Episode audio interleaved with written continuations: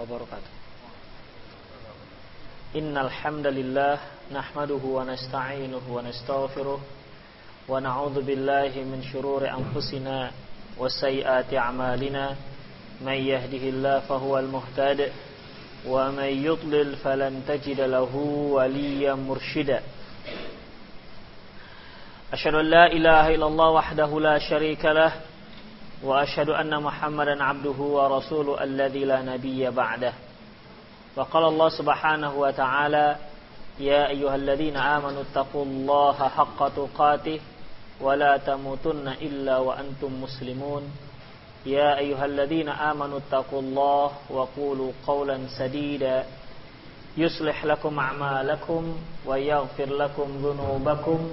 ومن يطع الله ورسوله فقد فاز فوزا عظيما يا أيها الناس اتقوا ربكم الذي خلقكم من نفس واحدة وخلق منها زوجها وبث منهما رجالا كثيرا ونساء واتقوا الله الذي تساءلون به والأرحام إن الله كان عليكم رقيبا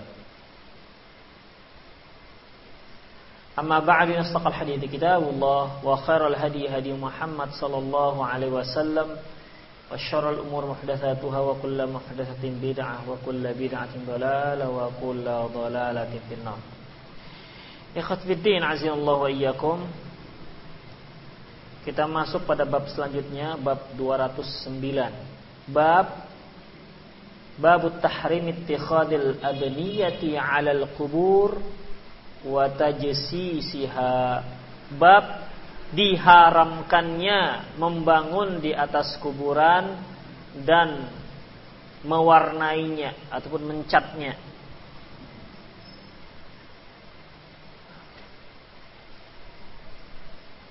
An Jabir bin Abdullah radhiyallahu anhu qala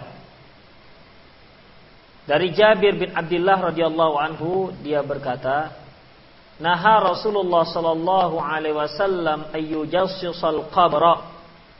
Nabi sallallahu alaihi wasallam telah melarang melakukan tajsis pada kuburan.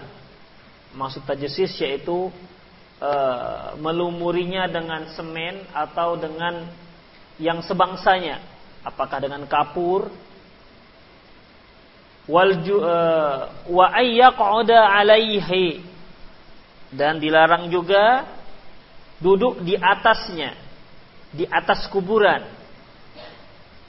wa ayyubna alaihi dan dilarang juga membangun kuburan membuat bangunan di atas kuburan. Akhrajul Muslim, hadis diriwayatkan oleh Imam Muslim. Para khafidin azallahu dalam hadis ini terdapat tiga larangan. Pertama, melumuri kuburan dengan semen. Artinya kalau ada kuburan ya agak melengkung begitu, kuburan tersebut di dipa, di, dilumurkan dengan semen ataupun dengan kapur. Atau diwarnai lah kita katakan. Kuburan tersebut diwarnai. Dan juga dilarang di, duduk di atas kuburan. Di atas kuburan maksudnya di atas gundukannya itu bukan di atas. Kalau sekarang ada kuburan yang dibuat tembok bukan di atas temboknya. Tapi di atas lengkungan ataupun gundukan kuburan tersebut. Wa ayyubna alaihi dan membangun membuat bangunan di atasnya. Min fikhil bab di antara fikih bab al awal pertama fil hadithi dalilun ala tahrimil bina al kubur. Hadis ini merupakan bukti diharamkannya membuat bangunan di atas kuburan ya para khafidin larangan ini larangan bukan makruh tetapi hukumnya haram. Sebagaimana yang kita lihat kebanyakan kuburan-kuburan ataupun pemakaman yang ada di kalangan kaum muslimin sekarang, pemakaman-pemakaman kaum muslimin pada umumnya dibangun di atasnya. Ada bangunan di atas kuburan, ada yang di keramik, ada yang dibuat spesial dengan batu nisan yang bisa dibongkar pasang. Bahkan ada juga yang dibuat atap ada yang dibuat prasasti dan banyak hal para ekhafiddin. Ya, bahkan ada yang dibuat marmar, dibuat pagar dan lain-lainnya. Dibuat semewah mungkin. Bahkan ada yang memang sengaja membuat membangun kuburan dimewahkan di kuburan orang tuanya mengira bahwasanya itu merupakan salah satu daripada bentuk berbakti kepada orang tua. Ini merupakan satu pemahaman dan yang sangat keliru. Berbakti kepada orang tua bukan setelah dia meninggal dengan cara membangun kuburannya, tetapi ketika dia masih hidup atau setelah dia wafat, setelah dia meninggal dengan mendoakannya. Wattajsisuha wa julusu 'alaiha. Mencatnya dan duduk di atasnya juga hukumnya haram. Artinya, jika dilakukan berdosa, jika ditinggalkan berpahala. Qala Ibnu Hazm fil Mahallah Berkata Ibnu Hazm dalam kitabnya Al-Muhalla, "Wala yahillu ayyubnal qabr." Tidak halal membangun di atas kuburan. Wala ayujassisa juga tidak boleh mencatnya. Wala ayuz wala ayuzada ala turabihi syai'un wa kullu dzalik. Dan tidak boleh ada tanah tambahan di atasnya dan selebihnya itu harus di harus di di apa namanya harus dihancurkan. Jadi kalau kita mengorek kuburan, maka tanah gundukannya itu adalah cukup dengan tanah yang dikorek dari kuburan tersebut. Tidak boleh ada tambahan tanah yang lain para khafiddin azallahu. Ya kalau memang tanah itu saja pasti dia akan menggunduk karena di dalamnya itu ada yang kopong telah dimuat dengan mayat. Namun dengan menambah Eh, tanah-tanah yang lain, ya, dengan menambah tanah-tanah yang lain, apakah itu uh, kerikil ataukah itu pasir atau dengan tambahan batu bata batu bata yang lainnya, maka hal ini para ikhwafidin tidak dibolehkan. Oleh karena itu kata Ibnu Hazm tidak boleh ada tanah tambahan selain itu. Ada yang mau lebih tinggi, dibeli satu dump truck misalnya dituang tinggi, tidak dibolehkan. Atau satu pick up. Tidak dibolehkan. Cukup tanah yang dikorek dari lubang kuburan tersebut. Tidak boleh ada tambahan. Di sini Ibnu Hazm menyebutkan tidak halal. Tidak halal berarti haram. Selain daripada itu kata beliau yuhdam harus di dihancurkan. Yang kedua, as-sunnatu hadmul kubur musyarraf musyrifah wa taswiyatuha sunnah untuk menghancurkan kuburan-kuburan yang dibangun dan meratakannya dengan tanah. Itu sunnahnya. Di hadis Ali bin Ali bin Abi Thalib radhiyallahu anhu berdasarkan hadis Ali bin Abi Thalib radhiyallahu anhu dia berkata, "Ala ab'atsuka ala ma ba'athani alaihi Rasulullah sallam." Maukah engkau aku utus sebagaimana tugas yang pernah aku maka engkau aku tugaskan sebagaimana tugas yang pernah ditugaskan Rasulullah kepadaku. Apa itu? Allah tada'atim talan illa tomastah. Jangan kamu biarkan satu patung pun kecuali kamu hancurkan. Ya. Wala qabran musyrifan illa sawaitah. Jangan biarkan ya Jangan biarkan satu kuburan pun yang dibangun kecuali engkau ratakan dengan tanah. Itulah dia tugas Ali bin Abi Thalib yang diberikan Rasulullah SAW kepadanya. Jadi setiap dia pergi ke tempat, dia lihat ada patung, dia hancurkan. Ada kuburan yang dibangun, dia runtuhkan bangunan tersebut. Para ekhafiddin, azanullah wa iyyakum. Hadis ini diriwayatkan oleh Imam Muslim. Kalau Imam Syaukani dalam kitab An-Nail Autor Fihi anna sunnah al-qabra la yurfa' raf'an kathiran min ghairi farqin baina man kana fadilan man kana ghair fadilin. Hadis ini menunjukkan sunnah. Sunnah dalam masalah kuburan yaitu tidak meninggikannya terlalu, tidak keterlaluan meninggikannya sehingga pada ikhwatiddin sehingga tidak ada bedanya antara orang yang terhormat dengan yang tidak terhormat. Kalau sekarang kan berbeda. kuburan orang terhormat dengan orang tidak terhormat. Bahkan kaplingannya pun beda. Ini kuburan kuburan keluarga kiai, ini keluarga-keluarga TKI. Beda para ikhwatiddin. Masuknya juga beda. Oleh karena itu kaum muslimin pun kalau dia lihat kuburan ada kembang di atas kuburan-kuburan orang-orang yang enggak apa orang-orang rakyat biasa, mereka enggak peduli dengan kembang-kembang. Tapi kalau dilihat ada kembang di kuburan kiai, diserak-serakan, diambil sejemput, dikantongin. Para khafiddin azallahu iyyakum. Ya, makanya makanya di Jawa itu ada kuburan khusus kuburan kiai-kiai ya kiai khusus kiai mungkin nanti maksudnya kalau dia dibangkitkan di hari akhirat dibangkitkan khusus pakai bendera kiai rombongan kiai. Mana ada nanti rombongan kiai? Demikian para khafidin azallahu iyyakum. Berbeda. Dibuat berbeda. Nanti kalau dia orang kaya coba perhatikan. Kalau dia kuburan orang kaya pasti beda dengan kuburan orang-orang apa namanya yang yang orang-orang rakyat jelata. Pasti beda. Kalau orang kaya dia nanti di marmer, dibuat batu batu prasastinya, di pinggirnya ada innalillahi wa inna ilaihi rajiun di, di, di, di dinding kuburan. Sebelah sana Al-Fatihah, sebelah sini ayat kursi, sebelah sini soal Baqarah, macam-macam yang ditulis. Jutaan, ya. Dia keluarkan dana jutaan. Kenapa? Orang kaya. Sehingga berbedalah mana kuburan orang kaya, mana kuburan kiai, mana kuburan rakyat biasa. Kan berbeda. Para khafidin azallahu iyyakum. Ya, ini tidak dibolehkan dalam Islam. Kalau kita lihat kubur, antum pernah lihat kuburan Raja Fahad? Kubur Raja Fahad. Kubur Raja Fahad itu ya. Kalau dibanding-bandingkan dengan kuburan tukang becak di Indonesia, lebih mewah kuburan tukang becak. Tukang beca itu ada batu batu nisannya kan yang di yang di apa namanya yang yang dipasang-pasang itu masih ada. Raja Fahad tidak gundukan gitu saja. Tak bisa dibedakan mana Raja Fahad, mana tukang becaknya orang Saudi, mana TKI.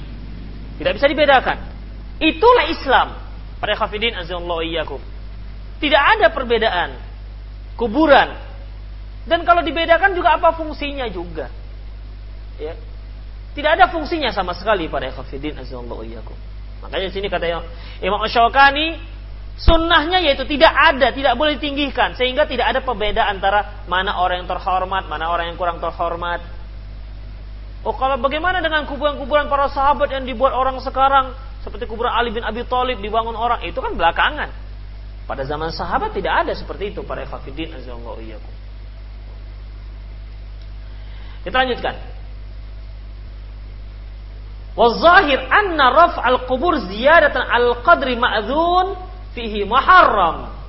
Zahirnya bahwasanya meninggikan kuburan dari tinggian yang tidak diizinkan hukumnya haram. Haram hukumnya, tegas sekali. Wa qad sarraha bidzalika ashabu Ahmad wa jama'atu min ashabi Syafi'i wa Malik. Dan hal ini dengan jelas disebutkan oleh ulama-ulama murid-murid Imam Ahmad dan uh, murid-muridnya Imam Syafi'i dan Imam Malik. Jadi Imam Syafi'i sendiri seperti itu para ekhafiddin. Imam Syafi'i dan murid-murid beliau. Tapi kita lihat Indonesia yang katanya mengeluhkan mazhab Imam Syafi'i, gak peduli dengan hal ini. Kita heran. Yang cocok diambil. Kalau yang nggak cocok, wah ini nggak nggak diambil. Ini kan namanya apa namanya? Pilih-pilih namanya. Kalau memang betul-betul mazhab Syafi'i, Kenapa ini nggak dijalankan? Berarti kan pilih-pilih juga, bukan madhab syafi'i juga berarti. Madhab syafi'i tapi yang pilih-pilihnya. Yang cocok diambil, yang enggak pura-pura enggak tahu. Demikian para khafiddin. Nanti kalau kita yang melakukan sunnah, ah ini bukan madhab syafi'i. Bukan madhab syafi'i. Begitu cara menolaknya. Kita kan madhab syafi'i ketika Imam Syafi'i yang mengatakan begini nggak tahu gimana jawabannya nanti wal qawlu bi anna ghairu mahzur liwuqu'ihi minas salafi wal khalafi bila nakir kama kama qala Imam Yahya wal mahdi fil ghaibi la yasih. Adapun perkataan yang mengatakan boleh tidak terlarang dengan alasan ada pendapat yang mengatakan boleh mengangkat kuburan mengang, eh, meninggikan tanah kuburan itu. Ada yang mengatakan boleh, dalilnya apa? Karena banyak kuburan-kuburan orang-orang salaf dan khalaf terdahulu, sekarang kita lihat dibangun, ditinggikan tanpa ada seorang pun yang mengingkarinya. Sebagaimana yang dikatakan oleh Imam Yahya dan Imam Mahdi, Imam Al-Mahdi. Pendapat ini salah. Walaupun dia seorang imam. Mengapa? Li'anna ghayata ma fi annahum sakatu an. Orang-orang itu artinya dia katakan diam. Wasukut la yakunu dalilan idza kana fihil fi fil umuri dhanniyah wa tahrim rafil kuburi dhanni. Dan diamnya mereka itu bukanlah dalil bahwasanya bahwasanya uh, diharamkannya mengangkat kuburan itu adalah hanya sekedar sangka-sangkaan belaka. Maksudnya begini para ekafidin. Ada pendapat yang mengatakan bahwasanya boleh mengangkat ataupun meninggikan kuburan lebih dari apa yang diizinkan. Artinya ditambah tanahnya sehingga melebihi dari ketinggian yang uh, yang tidak diben, yang dibenarkan.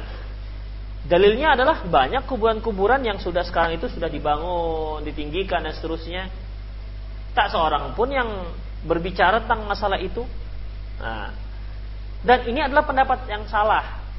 Ini adalah pendapat yang salah. Uh, apa namanya para? Uh, tidak di tidak ada yang mengingkari ya tidak ada yang mengingkari itu bukan dalil bahwasanya ya bahwasanya keharaman itu bukanlah keharaman yang bisa diyakini. Zonni itu artinya bisa iya bisa tidak. Zonni artinya bisa iya bisa tidak. Artinya kalau dikatakan haram, tapi toh ada wakilnya, realitanya ada seperti itu dan banyak nggak ada yang mengingkari, itu tandanya haramnya itu antara iya dan tidak. Nah itu dia. Dengan dengan dasarnya apa tadi? Karena nggak ada seorang pun mengingkari. Pendalilan seperti ini tidak dibenarkan. Mengapa demikian para ekofidin? Karena jelas hadisnya. Ya, karena hadis jelas. Nah Rasulullah Sallallahu Alaihi Wasallam. Rasulullah melarang. Hukum asal daripada larangan itu adalah haram. Jadi tidak berarti kalau orang tidak berbicara, tidak mengingkari, berarti hukumnya menjadi samar-samar. Tidak demikian. Nah, sekarang berapa banyak orang yang diam terhadap kemaksiatan? Apakah jadi samar-samar? Nggak ada samar-samar kan? Jenggot, apa jadi samar-samar?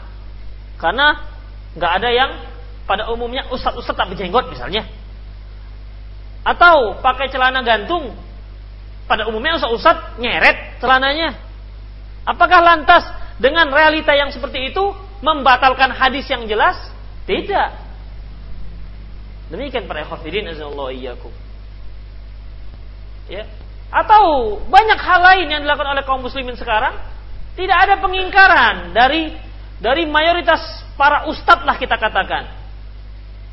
Seperti adanya sajian-sajian ke laut misalnya itu bahkan dipopulerkan oleh pemerintah untuk melestarikan budaya Nusantara. Syirik kok dibudayakan dan dilestarikan. Syirik itu dalam Islam dibasmi, tidak bisa dibudayakan, tidak bisa dilestarikan. Semua budaya silahkan lestarikan selama tidak menyalahi aturan syariat. Semua budaya yang menyalahi syariat dibasmi habis, tak perlu dilestarikan. Orang-orangnya pun nggak boleh dilestarikan. Kalau memang ngotot untuk melestarikannya. Demikian mereka fiddin azallahu iyyakum. Tapi kan tidak ada yang mengingkari. Eh, tidak ada yang mengingkari. Kalaupun ada yang mengingkari, nggak terdengar suaranya. Tak terdengar. Para khafidin azallahu iyyakum. Jadi itu nggak bisa jadi dalil. Wa man rafa wa min raf'il qubur dakhilun tahtal hadisi dukhulan auliyan di antara perkara yang mengangkat kuburan mengangkat kuburan yang terlarang, meninggikan kuburan terlarang tersebut yang termasuk dalam hadis ini, yang lebih terlarang lagi adalah al-qabab. al-kibab, yaitu kubah. Nah, coba untuk lihat kuburan-kuburannya orang yang dianggap alim, itu ada yang dikuburankan. Syekh-syekh yang dianggap istimewa, dianggap wali, bukan hanya dibangun tapi dibuat tempatnya semewah mungkin dan dibuat kubah-kubah di atasnya. Bahkan ada yang lebih mewah ketimbang masjid. Seperti, seperti di Besilam sana. Siapa yang pernah ke Besilam? Ada yang pernah melihat? Iya. Gimana Bang Saleh? Lebih mewah kuburan si Syekh Sirokan itu ketimbang ketimbang masjidnya. Ini mau diapain sekarang ini? Mau ngalah-ngalahkan Taj Mahal. Taj Mahal itu kuburan itu. Ya, kuburan istri raja. Sangkin cintanya dia dengan kuburan, dengan dengan istrinya, meninggal istrinya, dibangunlah seperti itu. Hampir sampai-sampai 10 tahun yang lalu ya sudah termasuk tujuh keajaiban dunia. Sekarang nggak ajaib lagi udah. Demikian para ikhwatiddin azallahu Demikian ya. Kibab Kuburan siapa lagi? Kuburan Imam Abi Hanifah. Itu ada, udah dibangun dan seterusnya. Kesalahannya pada siapa? Loh, itu kuburan ulama aja dibangun. Boleh. Apa itu jadikan dalil? Enggak, karena orang setempatnya itu yang sekarang sudah mulai jahil terhadap larangan-larangan seperti itu para Fafiddin. Antum nggak lihat kuburan Khoma ini? Luar biasa. Kubahnya terbuat dari emas 24 karat. Itu pun karena ada yang 24 karat. Kalau 26 karat pakai 26 karat mereka. Demikian. Ya. Kuburan siapa lagi? Banyak kuburan-kuburan. Kalau di negeri-negeri seperti di negeri Syam itu kan banyak eh, apa namanya eh, anggapan-anggapan kuburan Rasul. Itu kan pada umumnya di dibangun. Coba perhatikan, ya. Pada umumnya dibangun yang ada di Syam. Yang dianggap oh ini kuburan Nabi. Udah, kalau ada kuburan Nabi dibangun, dibuat kuburannya panjang. Karena tanggal dalam zaman dahulu ini panjang nih orang. Ah, dibuat panjang. Apakah sudah cukup dibuat panjang saja? Enggak, dikelambuin. Warna kelambunya biasa apa? Hah? Hijau. Pada umumnya hijau. Ada demikian para ikhwatiddin azallahu. Setelah itu biasanya di pinggirnya ada Quran, ada sajadah, ada tasbih. Itulah dia.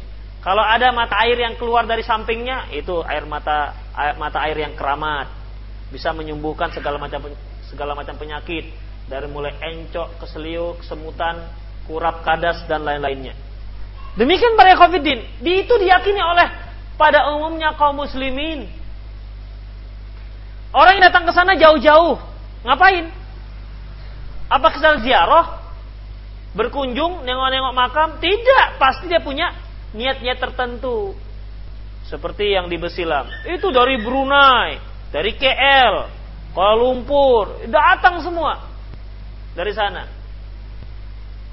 Dulu pernah juga anaknya Amin Rais datang ke sana. Kemudian Samsul Arifin datang demikian para Khafidin itulah itulah gambaran kaum muslimin sekarang itulah gambarannya Nanti pulang-pulang bawa air. Katanya air keruh lagi katanya. Ke ikhwan kita ada yang pernah minum air itu sampai mencret. iya, itu dianggap keramat. Kan nggak tahu kita tahu air dari mana saja itu. Demikian para ikhwafidin asallallahu Ya, kita itu jadi bodoh jadinya. Ya, dibodoh-bodohi.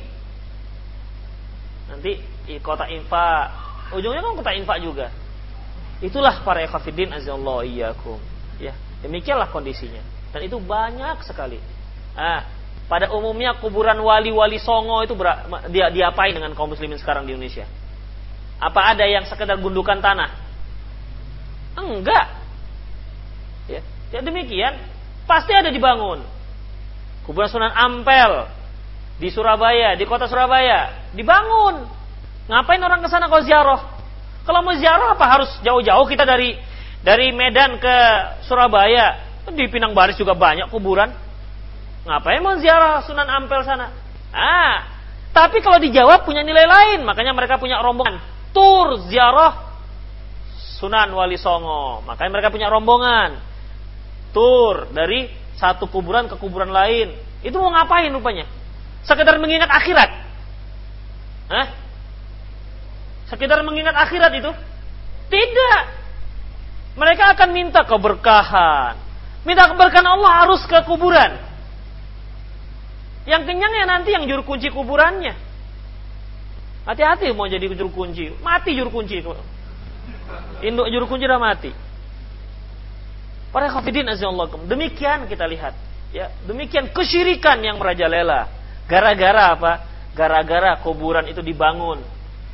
Coba seandainya kaum muslimin melaksanakan hadis Rasulullah SAW ini. Tidak ada kuburan yang dibangun. Tidak ada ditulis-tulis. Tahu orang ini kuburan Sunan Ampel atau tidak? Kan enggak. Kalau enggak tahu, oh berarti kuburan biasa.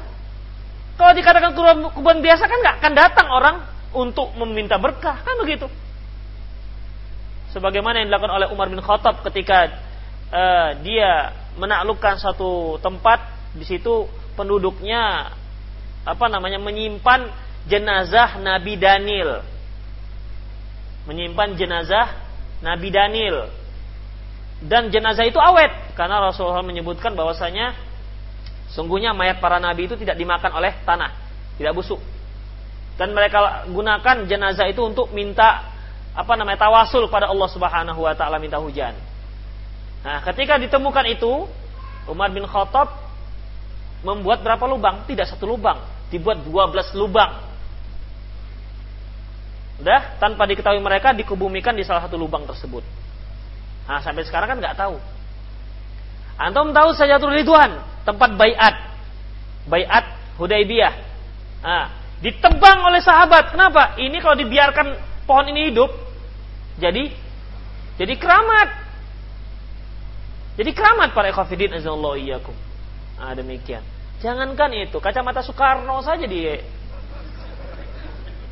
Antum pernah dengar anekdotnya kalau macam kacamata Soekarno ini bisa tembus pandang. Nah, begitu. Tongkat Soekarno lebih hebat pula daripada tongkat Nabi Musa. Begitulah, begitulah, ya. Begitulah ketika orang sudah mengagumi seorang, yang buruk pun jadi baik. Kacamatanya, hebat sekali kacamatanya, tongkatnya, celananya. Pada khafidin azallahu iyyakum. Kita lanjutkan. Ya, di antara kibab. Al, al kabab, kabab itu buat kubah. Itu lebih parah lagi. Kalau dia buat kubah, nggak akan mungkin kubah itu tanpa dinding ataupun tanpa tiang, tanpa ada bangunan. Karena mungkin kubahnya ngambang begitu. Ini nggak dibangun Ustaz, ngambang kan nggak mungkin. Ada gantungannya, ke mana gantungannya? Pasti ada bangunannya. Wal masyahid, wal ma, al, kubur dan bangunan-bangunan yang memang sengaja dibangun di atas kuburan. Wa aydan huwa min tikhadil kubur masajid, masajid. Dan ini juga termasuk membuat kuburan menjadi tempat masjid. Para khafidin azallahu yakum Ketika Rasulullah SAW menyebutkan la'anallahu la'anallahu yahud wan nasara Allah melaknat orang Yahudi dan Nasrani ittakhadu qubur anbiya'ihim masajida yang menjadikan uh, kuburan para nabi mereka masjid. Para khafiddin yang dimaksud masjid di sini pertama membangun masjid di atasnya termasuk termasuk juga sholat di situ. Sholat di kuburan termasuk juga menjadikan kuburan sebagai masjid. Masjid itu para ekofidin berasal dari kata sajada, sujud. Masjid tempat sujud. Berarti kalau orang sujud ataupun sholat di kuburan itu sama artinya menjadikan kuburan sebagai tempat sujud atau masjid. Itulah dia para ekofidin. Walaupun tidak ada bangunannya. Walaupun tidak ada bangunannya. Kemudian para ikhwatiddin, kita lanjutkan. Waqad la'ana Nabi sallam fa fa'ila dzalik. Sungguh Rasulullah telah melaknat si pelaku oh, si pelaku tersebut. Wa kam qad sara 'an tashyidi abniyatil qubur wa tahsiniha min mafa min mafasidin yubka 'alaiha yabki 'ala yabkilah al-Islam. Berapa banyak hal-hal berapa banyak yang telah terbangun, yang dibangun, bangunan-bangunan kuburan kemudian di diperelok, diperindah. Ya. Banyak sekali kuburan dibangun kemudian tentunya tidak hanya sekedar bangun selesai tapi dibuat ukiran, dibuat motif-motif, dibuat didesainlah sedemikian rupa sehingga kuburan tersebut menarik orang supaya datang dan me, me, apa namanya me, menikmati keindahan dan ukirannya, ornamen-ornamennya. Itu banyak sekarang. Oh, ini Pak dia di kuburan dibuat ornamen-ornamen Turki misalnya. Demikian para ikhwatiddin. Yang hal ini semua menimbulkan banyak kerusakan. Bukan kerusakan maksiat para ikhwatiddin, tapi kesyirikan. Ya begilah hal Islam yang membuat Islam menangis. Minha di antaranya i'tiqadul jahlah laha kala i'tiqadul kufar al asnam seperti keyakinan orang-orang jahil keyakinan orang jahil yang keyakinan tersebut seperti keyakinan orang-orang kafir terhadap berhala ya kalau orang kafir mereka menyembah berhala untuk apa untuk apa mereka menyembah berhala untuk mendekatkan diri kepada Allah apakah mereka menyembah Allah juga Hah? Iya. Orang-orang musyrik terdahulu menyembah Allah. Tapi mereka juga menyembah berhala. Apa tujuan mereka? Mana buduhum illa liyuqarribuna ilallahi zulfa. Kami tidak menyembah mereka kecuali untuk mendekatkan kami kepada Allah Subhanahu wa taala. Nah, sekarang ngapain orang ziarah ke sunan-sunan itu? Hah? Untuk sebagai perantara. Ya. Oke lah kalau yang mengatakan, Ustadz, kami nggak ngapa-ngapain, kami hanya berdoa di sana.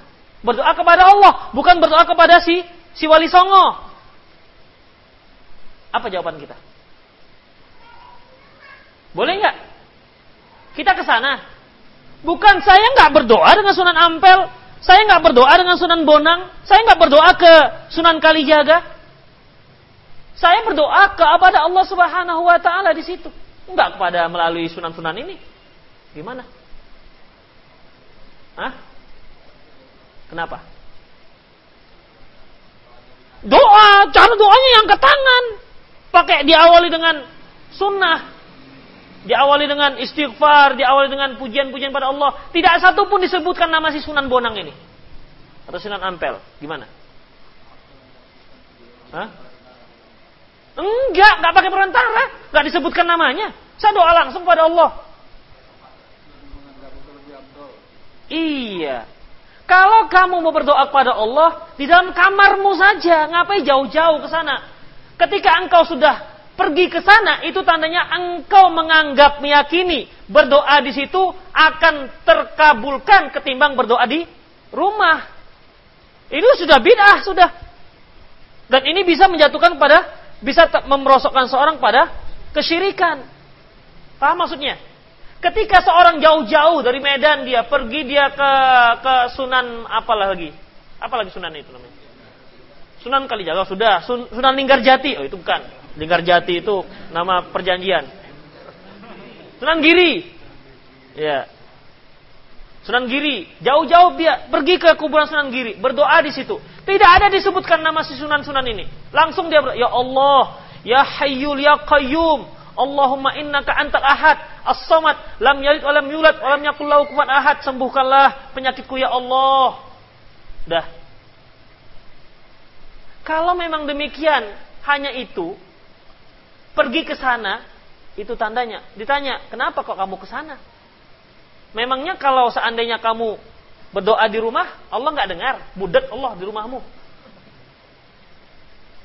Kan dengar juga. Itu tandanya ketika seorang sudah sengaja pergi ke sana untuk berdoa, dia berarti memiliki keyakinan bahwasanya berdoa di situ lebih afdol ketimbang di tempat lain. Meyakini bahwasanya satu tempat itu lebih afdol berdoa ketimbang tempat lain butuh dalil. Kalau tidak, bisa bid'ah. Bahkan bisa membuka pintu kesyirikan. Beda kalau antum pergi ke Masjidil Haram. Jauh-jauh dari Medan ke Masjidil Haram, ngapain mau berdoa? Di dekat multazam misalnya. Ada dalilnya? Ada. Berarti tidak bid'ah. Jangankan ke sana para ikhwatiddin, antum dari Kelambir lima datang ke rumah saya, ngapain? Saya mau berdoa di teras Ustad. Loh, kok jauh sekali di rumah nggak dengar rupanya? Kalau di teras Ustad ini ya sepertinya lebih enak gitu, nyaman. Sepertinya lebih makbul. Ah, jatuh do, do apanya? Jatuh pada bid'ahnya walaupun saya masih hidup. Apalagi sudah mati. Ya nggak jelas juga tanahnya tanah apa. Demikian para ikhwatiddin azinallahu iyyakum. Jadi jangan mau di apa namanya?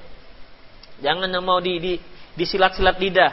Kalau mereka main silat tangkis silatnya. Wa 'azuma dzalika fadhannu annahum qadiratun 'ala jalbin naf'i wa daf'id. Dan lebih parah lagi mereka mengira bahwasanya para penghuni-penghuni kuburan tersebut ya mampu untuk memberikan manfaat dan menolak mudarat. Dan memang demikian para ikhwatiddin. Ya, kaum muslimin yang pergi ke sana tidak hanya sekedar berdoa kepada Allah, tapi pasti memiliki hal-hal tertentu, meyakini ya, menaki hal-hal tertentu. Para ikhwatiddin azallahu iyyakum. Sebagai contohnya, berapa banyak kaum muslimin rela menumpahkan darahnya untuk mempertahankan makam Mbah Priyo. Anda masih ingat kan? Allahu Akbar. Seperti perang Badar. Allahu Akbar. Mbah Priyo, makam Mbah Priyo. Padahal menurut ceritanya itu sudah dipindahkan ke makam yang lain. Tapi masih dipertahankan. Itulah, itulah nama etikat itu para ekofidin. Ya. Itu nama etikat keyakinan. Itulah kondisi kaum muslimin. Pernah lagi saya dengar masih di daerah pinggiran Jakarta, ketika adanya perluasan atau membuat e, perumahan developer. Jadi di situ ada kuburan. Setiap kali mau dibulldozer, bulldozernya mati. Setiap kali dibulldozer, bulldozer mati. Mendengar itu, berdatangan kaum muslimin situ. Ngambil tanahnya lah, tahapalah yang diambil. Jangankan itu, Guci yang kedapatan katanya di dekat Diski. Nah, dengaran tuh. Ada sumur tua. Di setelah diambil ternyata ada guci. Guci itu berisi air, diminum airnya. Sembuh. Wah, rame kaum muslimin. Oh, di sana ada guci, baru dapat bisa menyembuhkan segala macam penyakit. Baris orang ngambil ngambil air itu. Anda masih ingat lagi dengan ponari? Sambil main-mainnya dia. Satu, dua, begitu. Di ember orang. Demikian para kafirin. Coba, kalau kita pikir. Demikianlah jahilnya kaum muslimin. Kalau masih didoakan masih mendingan kan. Doakan, diludahkan sedikit. Puh. Ini enggak dia sambil-sambil mainnya, pegang batunya. Kalau tas siapa yang di enggak tahu entah air siapa yang dimasukkan. Itulah dia. Dan itu berbaris, subhanallah. Kaum muslimin berbaris berdatangan dari seantero alam. Sengaja dia dari Jakarta bawa ember. Dari Jawa Tengah bawa ember. Begitu. Itulah dia. Itulah kaum muslimin para hafidin. Gambarannya.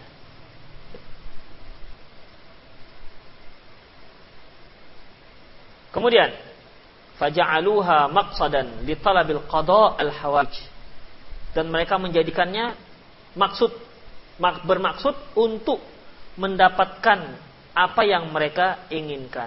Wa malja'a linajahil matalib dan sebagai sandaran untuk mendapatkan apa yang diharapkan wasa'alu minha ma yas'aluhu ubadu min rabbihim. Dan mereka meminta memohon kepadanya sebagaimana seseorang memohon kepada Rabb mereka. Wasyaddu ilahi rihal. Bahkan mereka membuat mengadakan musafir menuju tempat tersebut. Ya dan ini sudah berlaku dan bukan lagi satu hal yang apa namanya yang yang aneh. Enggak sudah menjadi masyarakat.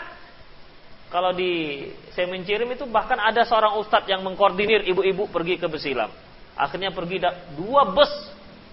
Dua bus nggak tanggung. Pakainya putih-putih semua. Dan heran tuh mama-mama ini banyak tokoh ya. Mama-mama banyak tokoh. Itulah dia. Makanya korban dukun AS tuh lebih banyak tuh mama. Ibu-ibu, perempuan-perempuan. Kemudian, watamassahu biha wastaghathu mereka mengusap-usapnya dan meminta permohonan, pertolongan dari kuburan tersebut. Wabil jumlati annahum lam yadda'u lam ya-, yad'u syai'an mimma kanat jahiliyah taf'aluhu bil asnam illa fa'alu. Kesimpulannya bahwasanya tidak lam yada'u, lam yada'u ya. Mereka tidak meninggalkan satu apa pun yang pernah dilakukan oleh orang-orang jahiliyah terdahulu terhadap berhalanya kecuali mereka lakukan juga fa inna lillahi wa inna ilaihi rajiun. Ini sebuah musibah.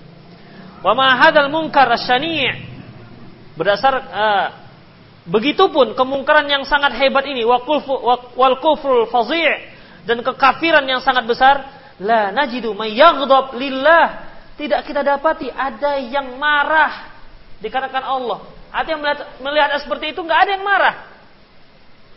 Biasa-biasa saja. Tidak ada yang mengingkarinya. Bahkan kalau ada yang mengingkari dikatakan sesat. Atau dituduh Wahabi. Coba. Coba perhatikan. Yang melarang seperti ah Wahabi. Jadi yang melarang itu malah dikatakan yang sesat. Itulah dia. Udah terbulak-balik para khafidin azallahu Padahal hadisnya jelas ya. Hadisnya jelas. Kalau kita laksanakan hadis, kita ingkari mereka, disebutlah dengan titulah dengan tuduhan-tuduhan yang yang sangat tidak mengenakkan. Wa yugharu hamyatul din, hamyatul din hanif dan wa yagharu hamyatul din hanif dan tidak ada yang cemburu untuk membela agama yang lurus ini. Cemburu artinya merasa sung, merasa risih. La aliman wala muta'aliman wala amirun wala waziran wala malakan wala malikan tidak orang alim, tidak orang yang talabul ilmi, tidak juga penguasa, tidak juga menteri dan juga tidak raja. Tidak ada yang mengingkari hal itu para ikhwatiddin. Waqad tawarada ilaina mil akhbar ma la syakka ma'ahu anna katsir min haula al-kuburiyyin aw aktsar aw aktsaruhum aw aktsarihim idza tawajjahta alaihim yamin min jihati min jihatin khasmahu min jihati khasmihi halafa billahi. Bahkan telah sampai kepada kami berita yang tidak diragukan lagi uh, kebenarannya bahwa saya banyak di antara orang-orang kuburiin, orang-orang kuburiin ini orang-orang yang uh, mengagung-agungkan kuburan atau mayoritas mereka apabila kamu minta mereka bersumpah mereka akan beri sumpahnya kepada kalian. Apabila kalian minta dia bersumpah dengan nama Allah, mereka akan bersumpah walaupun bohong.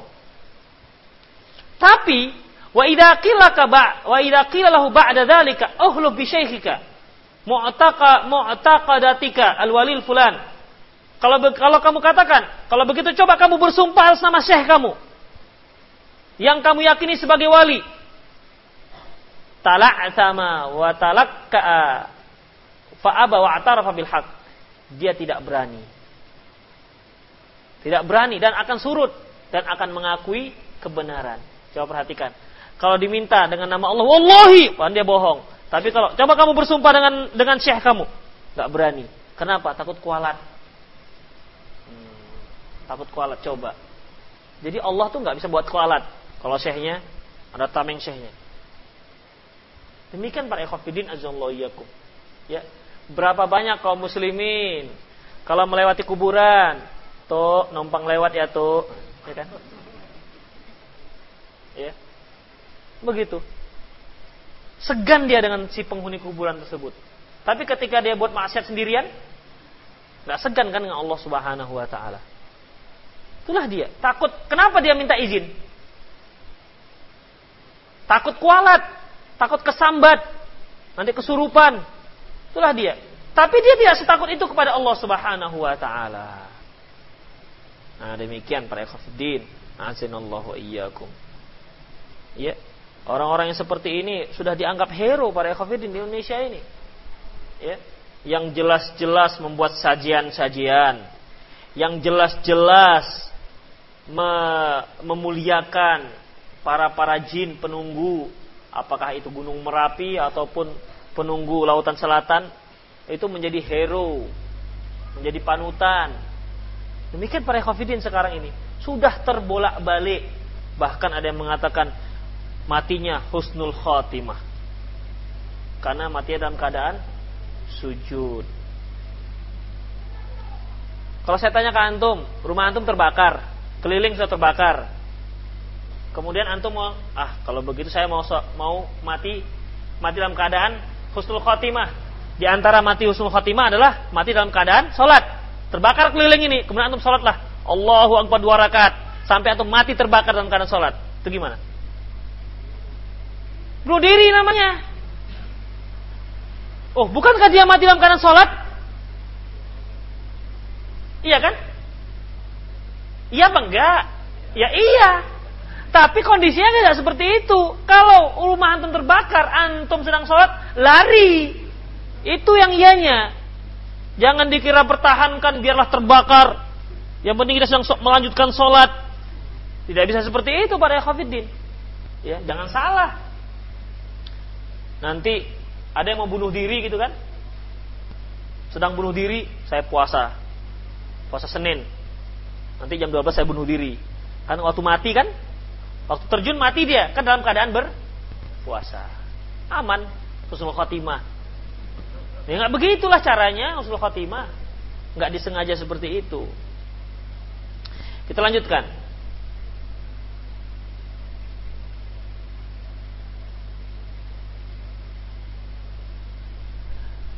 Wahada min abyani adillah min abyanil adillah dalla ala anna syirkuhum qad balagha fawqa syirki man qala innahu thaniyal isnain aw thalithu thalatha.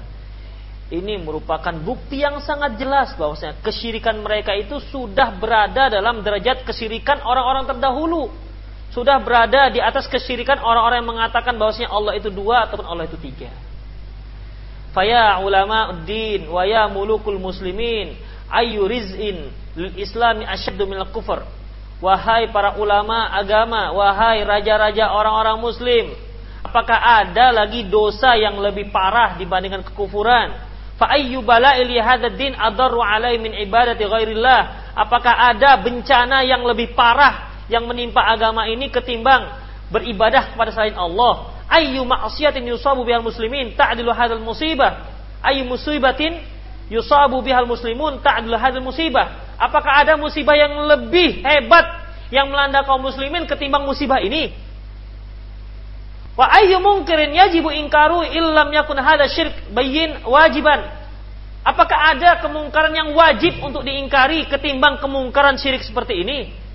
Laqad asma'ta law nadaita hayyan walakin la hayata liman nada tunadi walau naran nafakhta fiha biha adoat walakin anta tanfukhu fi romadi. Kalau seandainya engkau memperdengarkan kepada orang yang hidup tentu mereka akan menjawab. Tetapi engkau telah memanggil sesu, memanggil orang yang tidak hidup. Maksudnya ya apabila engkau memperdengarkan mendengarkan panggilan kamu kepada orang yang hidup, tentu dia akan menjawabnya, akan memenuhinya. Tapi engkau telah memanggil orang yang sudah mati. Manusianya hidup tapi sebenarnya sudah mati. Seandainya engkau meniup api, tentu api akan menyala. Tapi engkau sedang meniup debu yang berterbangan, tidak menyala. Kalau debu ditiup berterbangan yang yang yang apa yang mudaratnya kepada siapa? ke orang yang meniup. Kalau api ditiup, dia akan menyala. Kalau ini ditiup, berterbangan ke mana-mana. Tidak ada fungsinya sama sekali para ikhafidin. Pindah tempat saja. Itulah dia. Nomor tiga, fa'inki lama hukmu tatyinil kubur. Ini lain lagi, ya. Sekali. Kalau ada yang menyatakan, apa hukum me membaluri kuburan dengan uh, lumpur? Para ikhafidin, uh, kalau di daerah-daerah Timur Tengah, kalau daerah Pakistan itu, India, Bangladesh dan sekitarnya itu masih ada rumah yang dibangun dari tanah, kemudian dia dihaluskan dengan lumpur. Nah, lumpur yang dicampur dengan jerami. Itulah yang dihalut penghalusannya. Kalau kita plasternya lah begitu. Diplaster dengan lumpur. Ya, tanah liat, taruh air, itulah plasternya. Nah, bagaimana kalau seandainya Tadi kan kita katakan nggak boleh diwarnai, nggak boleh dilumuri dengan semen. Nah sekarang boleh apa kok hukumnya kalau seandainya uh, uh, gundukan kuburan itu di dilumuri dengan tanah, jadi dirapikan, diplaster dengan dengan tanah liat yang dicampur dengan apa namanya? Ya seperti kita memplaster pakai semen. Apa hukumnya? Dia bukan semen tapi tanah. Kalau Indonesia sebenarnya nggak ada fungsinya. Kenapa? Sekali kena hujan udah habis. Kalau di sana kan jarang hujan.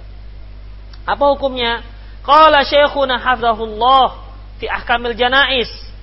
Berkata guru kami hafizahullah maksudnya Syekh Muhammad Nasir Al-Albani dalam kitabnya Ahkamul Janais, Li ulama fi kaulan. Dalam masalah ini ada dua pendapat para ulama. Pertama, al-kirah al-kirahatu nassu alaihi imam Muhammad sahib Abi Abi Hanifah wal kirahatu indahu lit tahrim idza utliqat. Sebagian mengatakan ada yang mengatakan bahwasanya hukumnya makruh sebagaimana yang disebutkan oleh Imam Muhammad murid Imam Abi Hanifah.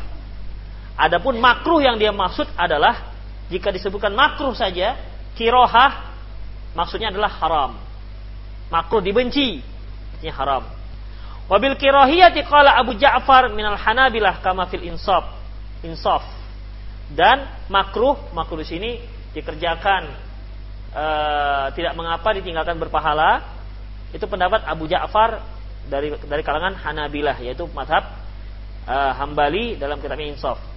Pendapat lain mengatakan annahu la ba'sa bihi, enggak mengapa. Sebagaimana disebutkan oleh Abu Daud dalam ya sebagaimana yang diriwayatkan oleh Imam Abi Daud dari Imam Ahmad. Wa jazama bihi fil insaf dan dia memastikan dalam kitabnya Al Insaf. Wa Imam Tirmidzi an Syafi'i dan Imam dan Imam Tirmidzi juga meriwayatkan dari Imam Syafi'i tidak mengapa. Kalau Nawawi, Imam Nawawi mengomentari, "Walam yata'arrad jumhur ashabillahu Fasai annahu la kirahata fihi kama alaihi walam yarud fihi nahi. Bahwasanya kata Imam Nawawi mengomentari bahwasanya jumhur murid-murid Imam Syafi'i ya jumhur murid-murid Imam Syafi'i tidak ada yang membantahnya. Ya. Dan yang pendapat yang sahih bahwasanya hukumnya makruh karena tidak ada larangan.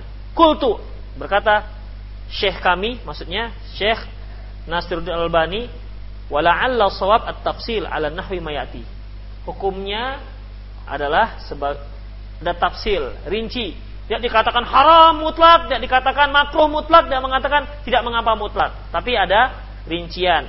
Ingkana di ingkana al maksud minat tatyin al muhafadatu al qabri wa baqaihi marfu'an qadra ma sumiha bi asyar wa alla yanfas yansafihu yansafihu yansafuhu la tansafuhu la tansafuhu ar-riyahu wa la tab'athuruhu al-amtar fa wajaizun dunasyak apabila dia memadatkannya memplasternya dengan tanah liat sebatas tinggi yang di, diizinkan yaitu sejengkal ya. Supaya uh, supaya tidak habis ditiup angin dan tidak hilang di bawah hujan maka hukumnya boleh. Li'annahu yatahaqqaq ghayatul masyru' masyru'ah karena itu uh, memiliki tujuan yang disyariatkan karena digundukkan kemudian adanya e, batu itu gunanya supaya orang tahu itu adalah kuburan. Dan untuk menjaga itu semua, kalau tidak dibuat dilumuri dengan tanah liat, nanti dia akan dibawa angin ataupun kalau ada datang hujan maka akan hilang kuburannya, tidak tahu itu kuburan lagi, maka hal itu dibolehkan tanpa ada keraguan. Wala'alla hadha huwa wajhu man qala al-Hanabila annahu yustahab. Mungkin inilah makanya uh, pendapat sebagian ulama hal hambali mengatakan dibolehkan bahkan dimustahabkan, dianjurkan. Wa in maksud zina, namun apabila maksudnya hanya untuk memberi hiasan supaya dipercantik wa nahwuhu wa nahwuha atau yang semisalnya mimma la faidata fihi yang tidak ada faedahnya fala yajuzu li annahu muhdats maka hal itu tidak dibolehkan karena itu termasuk bid'ah. Demikian para hafidin azallahu yakum tentang membangun kuburan, membuat bangunan di atas kuburan hukumnya haram. Ya, hukumnya haram. Kemudian, bagaimana dengan membuat tulisan-tulisan di kuburan? Misalnya Fatmawati lahir tahun sekian, meninggal tahun sekian, ditabrak mobil misalnya, dibuat sejarahnya di sana. Bagaimana dengan tulisan seperti itu? Atau dengan ditulis juga di bawahnya di Al-Fatihah, Bismillahirrahmanirrahim dan seterusnya. Ditulislah pokoknya kuburan itu. Apa hukumnya? Nah, dalam masalah ini ada tafsil. Ada rincian yang insya Allah akan kita kaji pada Selasa yang akan datang. Demikian para ikhwatiddin azallahu iyyakum. Aku lu qouli hadza wa astaghfirullah li wa muslimin Silahkan jika ada pertanyaan. Ya. Ya. Bismillah. Pertanyaan. Bagaimana dengan masjid Rasulullah SAW, masjid Nabawi yang sekarang berada di dalam masjid dan dibangun? Kan dibangun itu. Bahkan ada kubahnya. Warna apa kubahnya? Hijau. Kubahnya itu nggak pernah diperbarui. Pernah ditanyakan, kenapa yang lain diperbaharui kubah-kubahnya, kubah yang itu nggak pernah diperbarui? Uh, Teman-teman yang di, di Madinah menyebutkan sengaja supaya cepat rusak. Supaya tidak nampak dimuliakan. Para khafidin azallahu iyyakum. Nah, sekarang kita lihat saja bagaimana dengan kuburan Nabi SAW yang jelas ber, pertama berada di dalam Masjid Nabawi, yang kedua jelas dibangun. Para khafidin azallahu perlu antum ketahui bahwasanya ketika Rasulullah sallallahu alaihi wasallam wafat beliau dikebumikan di rumahnya Aisyah radhiyallahu anha yang berada di samping masjid. Jadi ketika beliau keluar dari rumah Aisyah langsung masuk ke dalam masjid.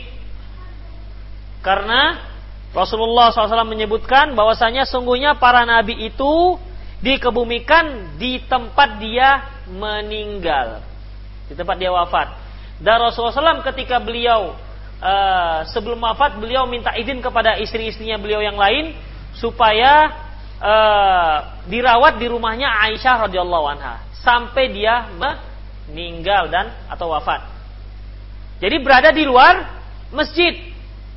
Pada zaman sahabat belum dimasukkan ke masjid. Baru pada zaman Khalifah Walid bin Marwan maka seluruh kamar-kamar rumah uh, rumah istri-istri Rasulullah SAW, karena rumah istri Rasulullah SAW itu semuanya berada di samping masjid.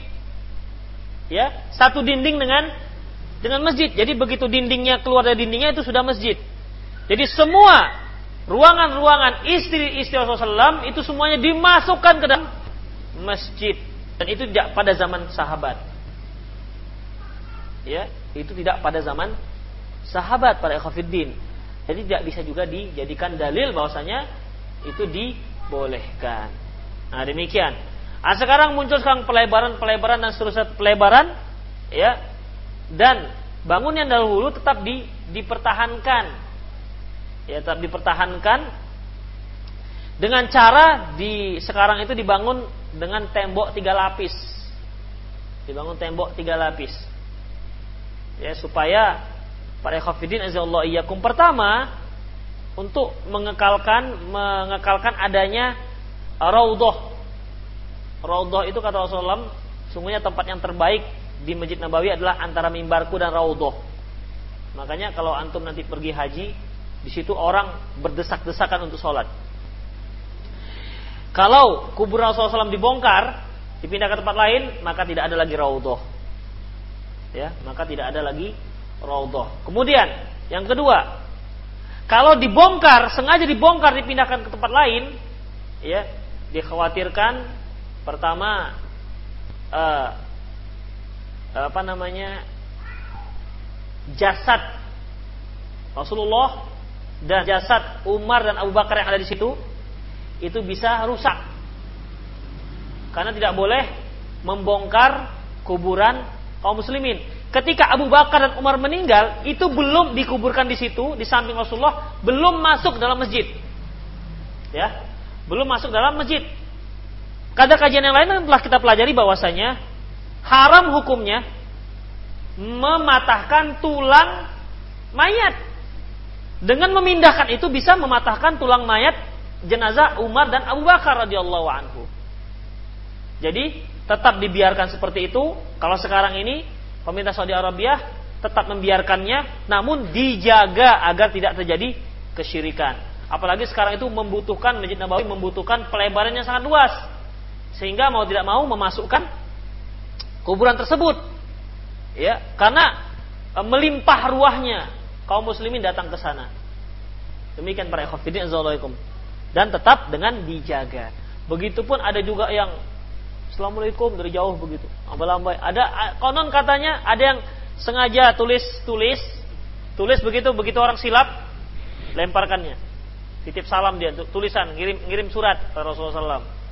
Ada demikian. Ya. Kan tidak boleh sholat di situ menghadap kuburan.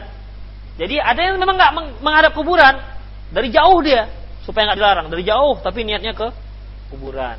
Begitulah para ikhwafidin. Sudah dijaga saja seperti itu. Gimana kalau nggak dijaga? Makanya kiswahnya Ka'bah itu dinaikkan ketika ada orang haji dinaikkan. Karena kalau nggak dinaikkan habis itu. Tarik satu tarik satu benangnya. Padahal yang buat orang Turki atau orang-orang pengrajin-pengrajin Saudi Arabia bukan bukan ada fadilahnya itu. Sama dengan celana saya ini. Kalau antum mau tarik, tak kasihkan benang celana saya ini. benang biasa sama dengan benang-benang yang lainnya. Tapi begitulah, ya. Begitulah jahilnya pada umumnya kaum muslimin para ikhwatiddin. Jadi kalau sudah Ka'bah, begitu dia lihat Ka'bah, saking rindunya katanya, begitu dia Ka'bah, oh Ka'bah, begitu kan, dipeluknya Ka'bah, gesek-gesek, gesek-gesek dinding Ka'bah itu. Begitu, gosok kaki kanan, pokoknya semua digosok tangan, semua digosokkan ke dinding Ka'bah. Siapa mengatakan dinding Ka'bah itu berkasiat? Apa ada yang mengatakan barang siapa yang menyentuhkan badannya ke dinding Ka'bah maka tidak tidak ter, ter, apa termakan api neraka? Tidak ada. Tapi dengan badan Rasulullah iya. Nah, demikian para khafidin azallahu iyyakum. Seandainya ada kaum muslimin yang dapat benang itu aja, woi itu mungkin ditaruh botol, dilaminati kan begitu. Direndam di air, ini dibuatlah apa namanya air rendaman benang Ka'bah. Bisa me, apa namanya menyehatkan mem, menyembuhkan sakit kanker ra, pokoknya segala macam ujung-ujungnya pengobatan. Nanti dibuat kotak infak sampingnya ala kadarnya seikhlasnya. Online Siti Fauzia. Assalamualaikum Ustaz. Anda mau tanya Hukum orang tua yang menyuruh anaknya untuk poligami dan apabila anaknya menolaknya apakah dia berdosa kepada orang tuanya? Ah, perlu juga cari orang tua seperti ini.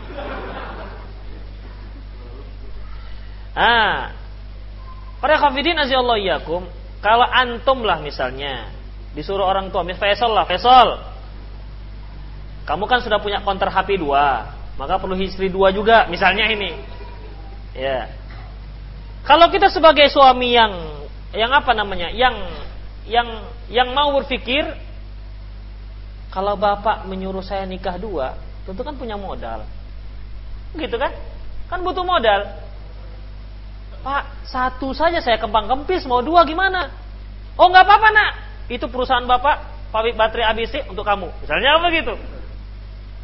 Ya, masalah itu, masalah Masalah nikah, nikah lagi, masalah rumah tangga ada masalah. Misalnya begitu. Pokoknya bapak yang menjamin. Masalah itu pokoknya kamu nikah lagi aja. Semua masalah ini segala macam bapak yang tanggung misalnya. Ya. Tapi Pak, ini kan masalah pendidikan bagaimana? Nah, jadi dalam masalah ini para khafidin azallahu iyyakum kalau memang ada yang bertanggung jawab menanggung Kemudian antum juga merasa mampu untuk melaksanakannya. Masalah finansial sudah di handle oleh orang tua. Tinggal masalah pendidikan. Mendidik anak, istri, dan anak. Karena para ekofidin, kalau ibu-ibu kan kalau di bank poligami langsung sentimen. Eh, gak apa-apa, sunnahnya yang enak-enak. Dan begitu biasanya. Punya sunnah yang enak-enak, yang gak enak gak mau. Siapa bilang poligami itu enak? Harusnya ngasih ng beli beras sekilo cukup untuk dua minggu, jadi bagi dua kan jadinya. Seharusnya kita cari uang misalnya satu hari dua puluh ribu cukup, karena dua istri akhirnya harus dapat empat puluh ribu. Seharusnya punya anak satu, satu uh, setahun uh, dua tahun satu, ini sana ceret sana ceret, jadinya setahun sekali. Begitu, jadi banyak anak. berarti harus lebih lebih gigih. Demikian para Khafidin. Jadi tidak kan apa namanya bukan bukan berarti tanggung jawabnya semakin ringan. Seharusnya mendidik satu istri, ini harus mendidik dua istri. Bukan antum nikah kemudian selesai masalah, enggak. Makanya tanggung jawab baik dari sisi tanggung jawab fisik harus lebih kuat. Fisik antum nggak bisa letoy-letoy seperti satu istri, antum bisa punya dua istri, tuntutan dua. Dua yang menuntut antum. Kuatnya harus untuk dua istri. Satu aja nggak bisa, cuma makan tempe, harus dua tempe udah. Nah. Kemudian apa lagi? Masalah beban psikologi, tanggung jawab baik finansial maupun masalah tanggung jawab pendidikan juga harus mampu nggak? Kalau nggak mampu punya anak, istri istri dua, kemudian anaknya jadi akhirnya berserak-serak. Ini anak siapa yang berselemo? Oh berselemo. Hah? Ingus beringus ini anak Ustadz Fulan. Aduh, waktu istri satu bersih bersih anaknya sudah istri dua kok berselemak begini, nggak terawat. Jadi bagaimana para Ekofidin? Ya tentu banyak hal. Jadi semakin berat. Jadi ibu-ibu, siapa bilang poligami itu yang enak? Siapa bilang enak? Enak itu awalnya aja. Awalnya aja, kedengarannya aja. Wah, istri dua eh. Begitu. Istrinya sudah dua. Kemudian istri dua setelah itu selesai. Ya enggak. Tanggung jawabnya lebih berat. Nah, jadi kalau memang kalau memang antum memang siap Kemudian baik sisi finansial maupun yang pokoknya semua sudah siap. Orang tua menyuruh, kenapa tidak dilayani? Kenapa tidak? Apalagi antum juga mau kepingin. Ya memang saleh. Nah, di sini cuma memang saleh saja. Ya, sebagai contoh. Kenapa tidak? Apalagi diperintah orang tua. Tapi kalau nggak sanggup, jangan para kafirin. Kalau nggak sanggup, jangan. Ya. Balil insanu ala nafsihi basirah. Seorang manusia itu terhadap dirinya lebih tahu bagaimana kesanggupannya. Dan istri juga nggak boleh masa-masa istrinya, bang kawin aja lagi bang, Allah bang, abang awas bang ya. Kalau abang nggak kawin lagi awas ya. Jangan juga masa-masa begitu. Walaupun jarang langka istri begitu langka. langka istri begitu. Nah, demikian Pak Khofiddin. Ya. Jadi menolak itu tetap tetap dalam alasan syar'i. Kesimpulannya, kalau memang dia sanggup, finansialnya sanggup, pendidikan mendidik istri juga sanggup, semua sanggup sudah, baik nafkah lahir maupun batin semua merasa sanggup, maka dia wajib untuk untuk memenuhi permintaan orang tuanya. Nah, demikian, ya dan nggak perlu juga izin dengan istri. Mana ada istri yang mengizinkan? Nada tangan. Nggak ada. Hah? Tapi jarang. Nah, iya. Mungkin Bang Saleh waktu itu gigit. Ayo, tangan, ayo, ayo, ayo. Ah, begitu ya. Jadi demikian. Bolehkah membayar puasa sekalian niat puasa sunnah? Ini kodo dengan dengan puasa sunnah nggak dibolehkan. Satu satu puasa satu niat. Adakah hadis yang menjelaskan tentang orang yang diruqyah oleh orang lain tidak mendapatkan syafaat? Sabda Rasulullah SAW yang menyebutkan tentang ada 70 ribu orang Muslim alladzina yadkhuluna al-jannah bighairi hisab yang yang masuk ke dalam surga dengan tanpa hisab. Pertama, ciri-ciri mereka uh, apa? La yastarkun. Ya, sebelum ada siapa ingat? La hmm, di antaranya la yastarkun. Mereka minta ruqyah. Wa ala rabbihim yatawakkalun wa la yatatayyarun Wala yatatayyarun. Mereka tidak membuat tatoyur. Tatoyur itu ada anggapan-anggapan sial. Wa ala rabbihim yatawakkalun dan mereka bertawakal kepada Rabb mereka. Ini ada satu lagi sebelumnya. Namun di situ ada wala yatatayyarun. Mereka tidak minta di ruqyah. Demikian. Namun demikian itu pun ada penjelasannya. Apakah yang dimaksud ini ruqyah yang syariah apa tidak? Nah, demikian para ikhwatiddin azallahu iyyakum. Satu hal lain para ikhwatiddin mengenai ruqyah, ya. Sunnah dalam ruqyah itu sebenarnya adalah para ikhwatiddin sebaiknya kita sendiri yang meruqyah diri kita sendiri, bukan orang lain.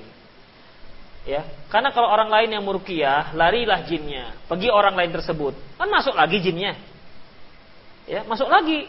Karena yang mengusir itu orang lain. Oleh karena itu kita yang mengusirnya. Memang berat, begitulah caranya.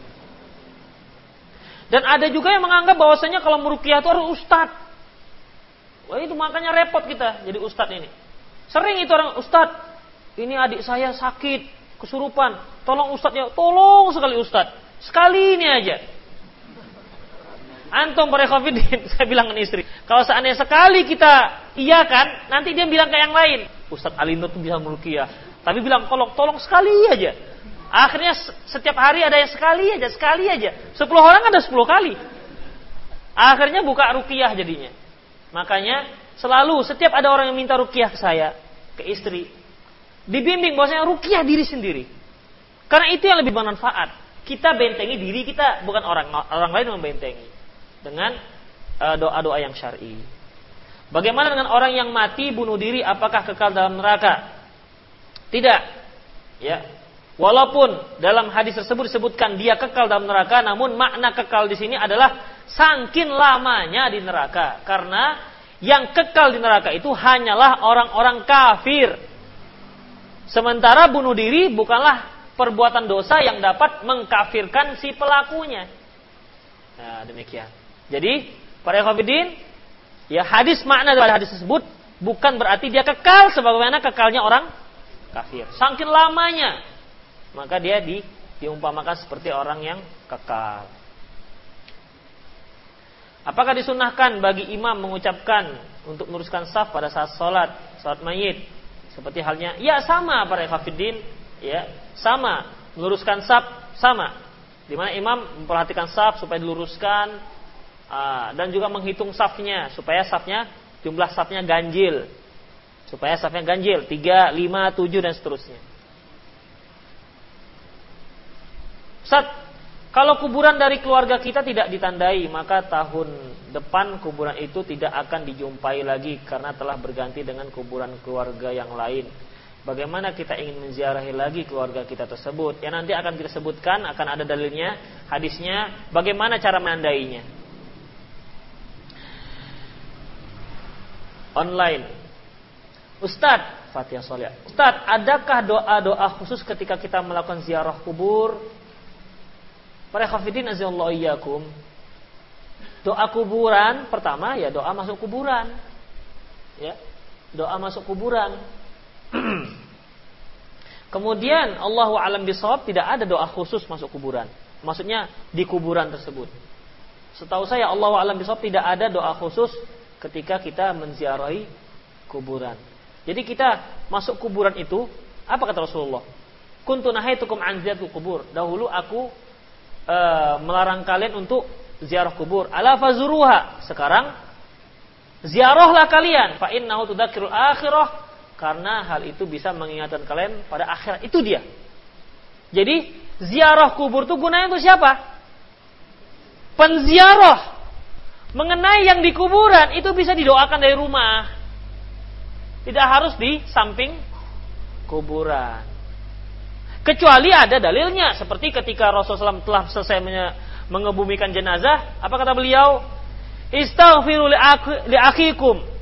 Minta ampunlah pada Allah untuk saudara kalian ini karena dia sini sekarang sedang ditanya. Itu dalilnya, ya, supaya dia bisa menjawab pertanyaan-pertanyaan tersebut. Selebihnya Allah alam sampai sekarang saya nggak tahu ada dalil khusus untuk itu. Jadi, untuk kita ziarah, ziarahnya kita ke kuburan itu fungsinya untuk kita, bukan untuk si mayit. Adapun kalau mau mendoakan bisa dari rumah, tidak perlu repot-repot datang ke kuburan tersebut. Insya Allah sampai. Ya, insya Allah sampai. Demikianlah para khafidin azallahu yakum. Tapi ada antum pertanyaan lain? Ya, alhamdulillah nggak ada. Ada. wadah sini.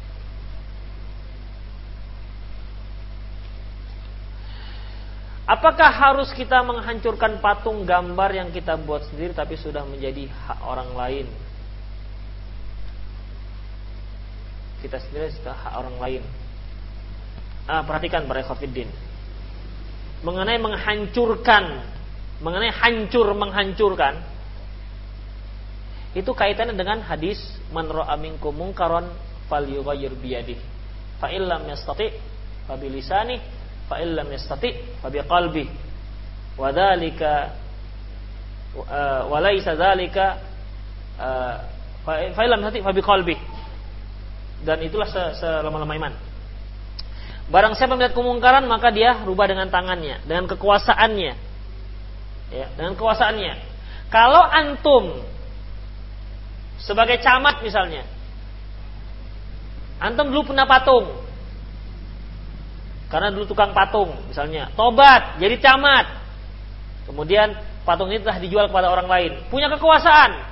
Sudah boleh menghancurkannya karena dia punya wewenang.